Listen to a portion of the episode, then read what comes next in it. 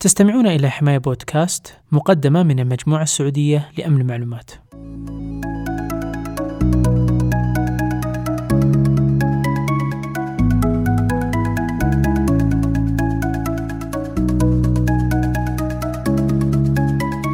حياكم الله في حماية بودكاست. في هذه الحلقة نتحدث عن شخصية تاريخية قدمت إسهامات كبيرة في مجال أمن المعلومات. حديثنا اليوم عن يعقوب بن إسحاق الكندي. ولد الكندي في عام 805 ميلادي وهو علامة عربي مسلم برع في الفلك والفلسفة والكيمياء والفيزياء والطب والرياضيات والموسيقى وعلم النفس والمنطق الذي كان يعرف بعلم الكلام. عاش في زمن الخلافة العباسية وحيث أنه برع في اللغات فقد اشتهر بجهوده في تعريف العرب والمسلمين بالفلسفة اليونانية القديمة فيعد الكندي أول الفلاسفة المتجولين المسلمين.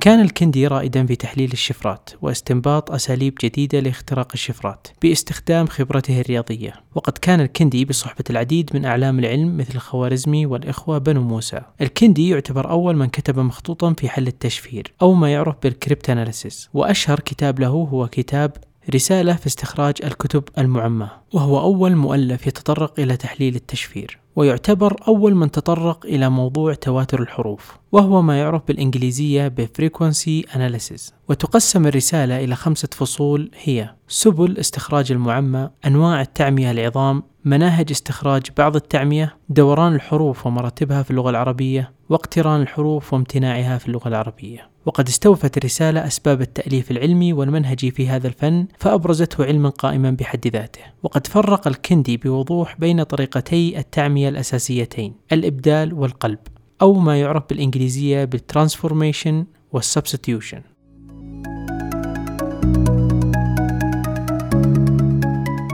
توفي الكندي في عام 873 ميلادي ووفقا لابن نديم كتب الكندي على الأقل 260 كتابا. منها 32 في الهندسة و22 في كل من الطب والفلسفة وتسع كتب في المنطق واثنى عشر كتابا في الفيزياء. على الرغم من أن الكثير من مؤلفاته فقدت فقد كان للكندي تأثيرا في مجال الفيزياء والرياضيات والطب والفلسفة والموسيقى استمر لعدة قرون.